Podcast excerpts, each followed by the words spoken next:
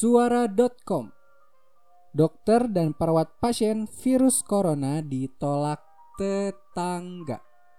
Mari kita ulang. Ditolak tetangga. Ditolak warganya sendiri. Ditolak sebelah rumahnya sendiri.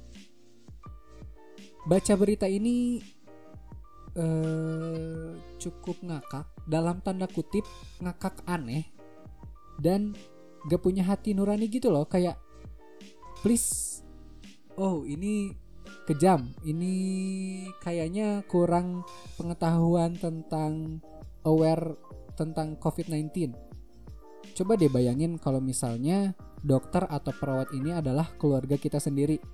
Ini sungguh miris sih ini sangat miris. Mungkin mereka itu kurang edukasinya mungkin ya tentang awarenya kepada covid. Mungkin kayak gitu-gitu ya. Dan sebelumnya mungkin nyapa dulu ya. Ya hari ini balik lagi sama gue Renaldi. Hari ini di Rabu yang cukup cerah karena cukup membuat haridang kita bakal bahas topik tentang social awareness dalam lingkup COVID-19 ya tadi udah dibacain da dari suara.com katanya dokter dan perawat pasien virus corona ini ditolak tetangga jadi katanya ditolak tetangga ini terjadi di Jakarta Timur karena warganya takut sama virus corona.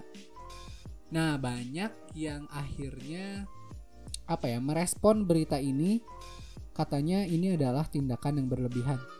Ini jelas tindakan yang berlebihan. Ini ini benar-benar sangat berlebihan. Karena mari kita ganti deh, jangan takut sama virus tapi aware terhadap virus kalau mungkin kesamaannya menurut gue ya ini takut sama aware itu hampir sama.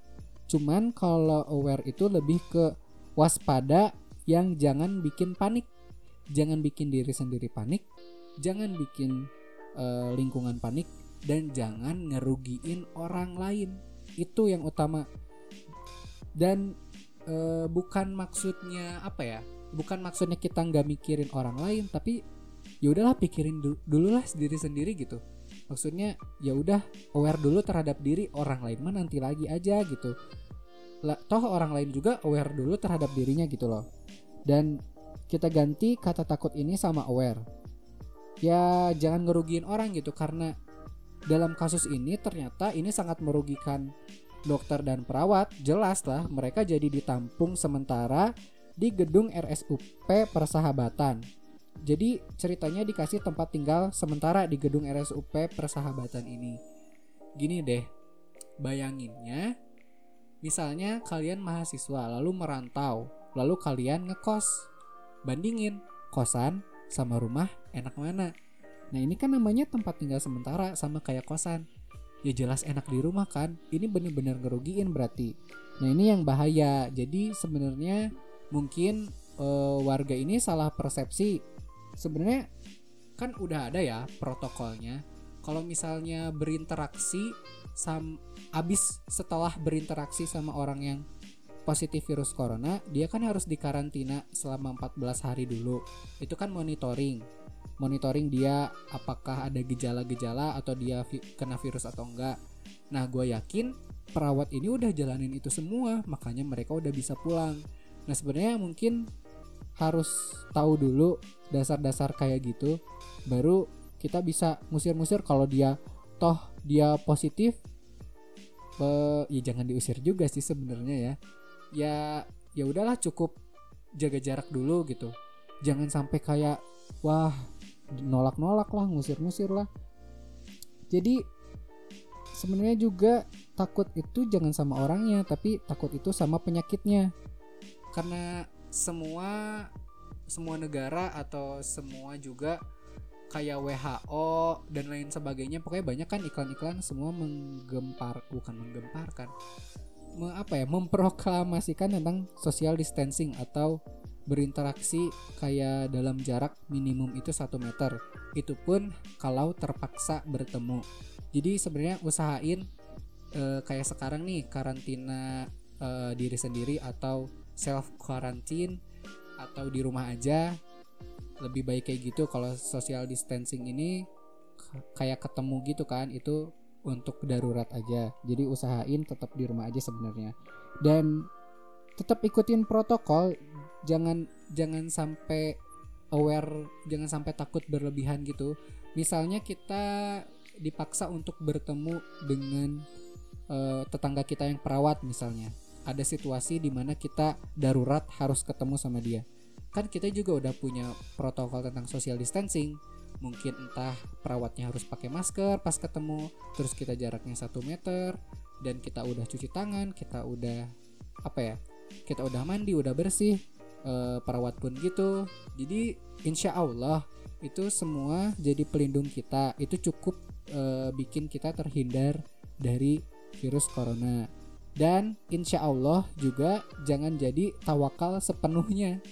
Misalnya ah lagian eh, apa udah pakai masker gak usah lah cuci tangan lagi. Jangan sampai kayak gitu. Tawakal boleh tapi usaha juga. Dan balik lagi kayak ini adalah aware yang berlebihan. Sebenarnya gimana ya?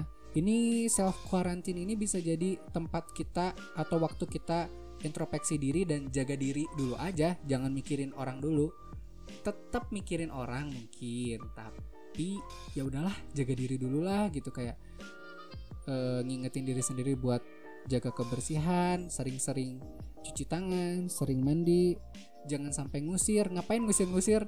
Lagian, aduh, lo aja masih pada keluar rumah gitu. Banyak kasus yang kayak misalnya nih kampus udah dilibur-libur, udah dilibur-liburkan semua. Oh, udah semua work from home, tapi masih aja nongkrong-nongkrong. Kan itu juga ya udahlah introspeksi diri dulu. Gimana ya uh, misalnya aku ha, kayaknya harus ini nih harus di rumah aja karena sekarang corona makin menyebar kayak gitu jadi gunakan waktu sebaik-baiknya gitu dan uh, gue juga ngutip dari apa yang dikatakan Pak Anies Baswedan katanya di dalam podcast Deddy Kobuzer itu dia bilang takut sama penyakit bukan sama orangnya. Dan sebenarnya ada yang lebih ditakutin dari penyakit yaitu penyebarannya. Katanya jadi corona ini makanya disebut uh, apa persentase sembuhnya tinggi itu karena uh, ya emang dia persentase sembuhnya lebih tinggi dari cancer dari kanker tapi yang bahayanya itu adalah penyebarannya penyebarannya ini cepat jadi seiring berjalannya waktu cepat cepat cepat nyebarnya kalau orang-orang terlalu berinteraksi akhirnya nggak sebanding sama perawat yang ada. Nah, makanya kita itu perlu di rumah aja dan cukup aware terhadap diri aja dulu gitu. Jangan sampai ngusir-ngusir orang. Dan sebenarnya pesan yang dap yang didapat dari kasus ini adalah kita ya gimana ya harus punya hati nurani dan saling menguatkan. Mungkin mikirin orang cukup kayak saling menguatkan, saling menyemangati dan bukan waktunya nyalah-nyalahin orang itu sih poin pentingnya dari kasus ini dan semoga kasus ini juga cepat mereda di Indonesia cepat semua kembali normal cepat semua bisa nongkrong tam tanpa berpikir panjang tanpa khawatir cepat pengen kuliah pengen kerja di kantor enak ada AC di rumah mah haridang ya semoga semuanya cepat pulih dan insya Allah pulih cepat. ya mungkin sekian aja tentang social awareness COVID-19. Selamat bertemu di podcast-podcast selanjutnya. See you. Assalamualaikum warahmatullahi wabarakatuh.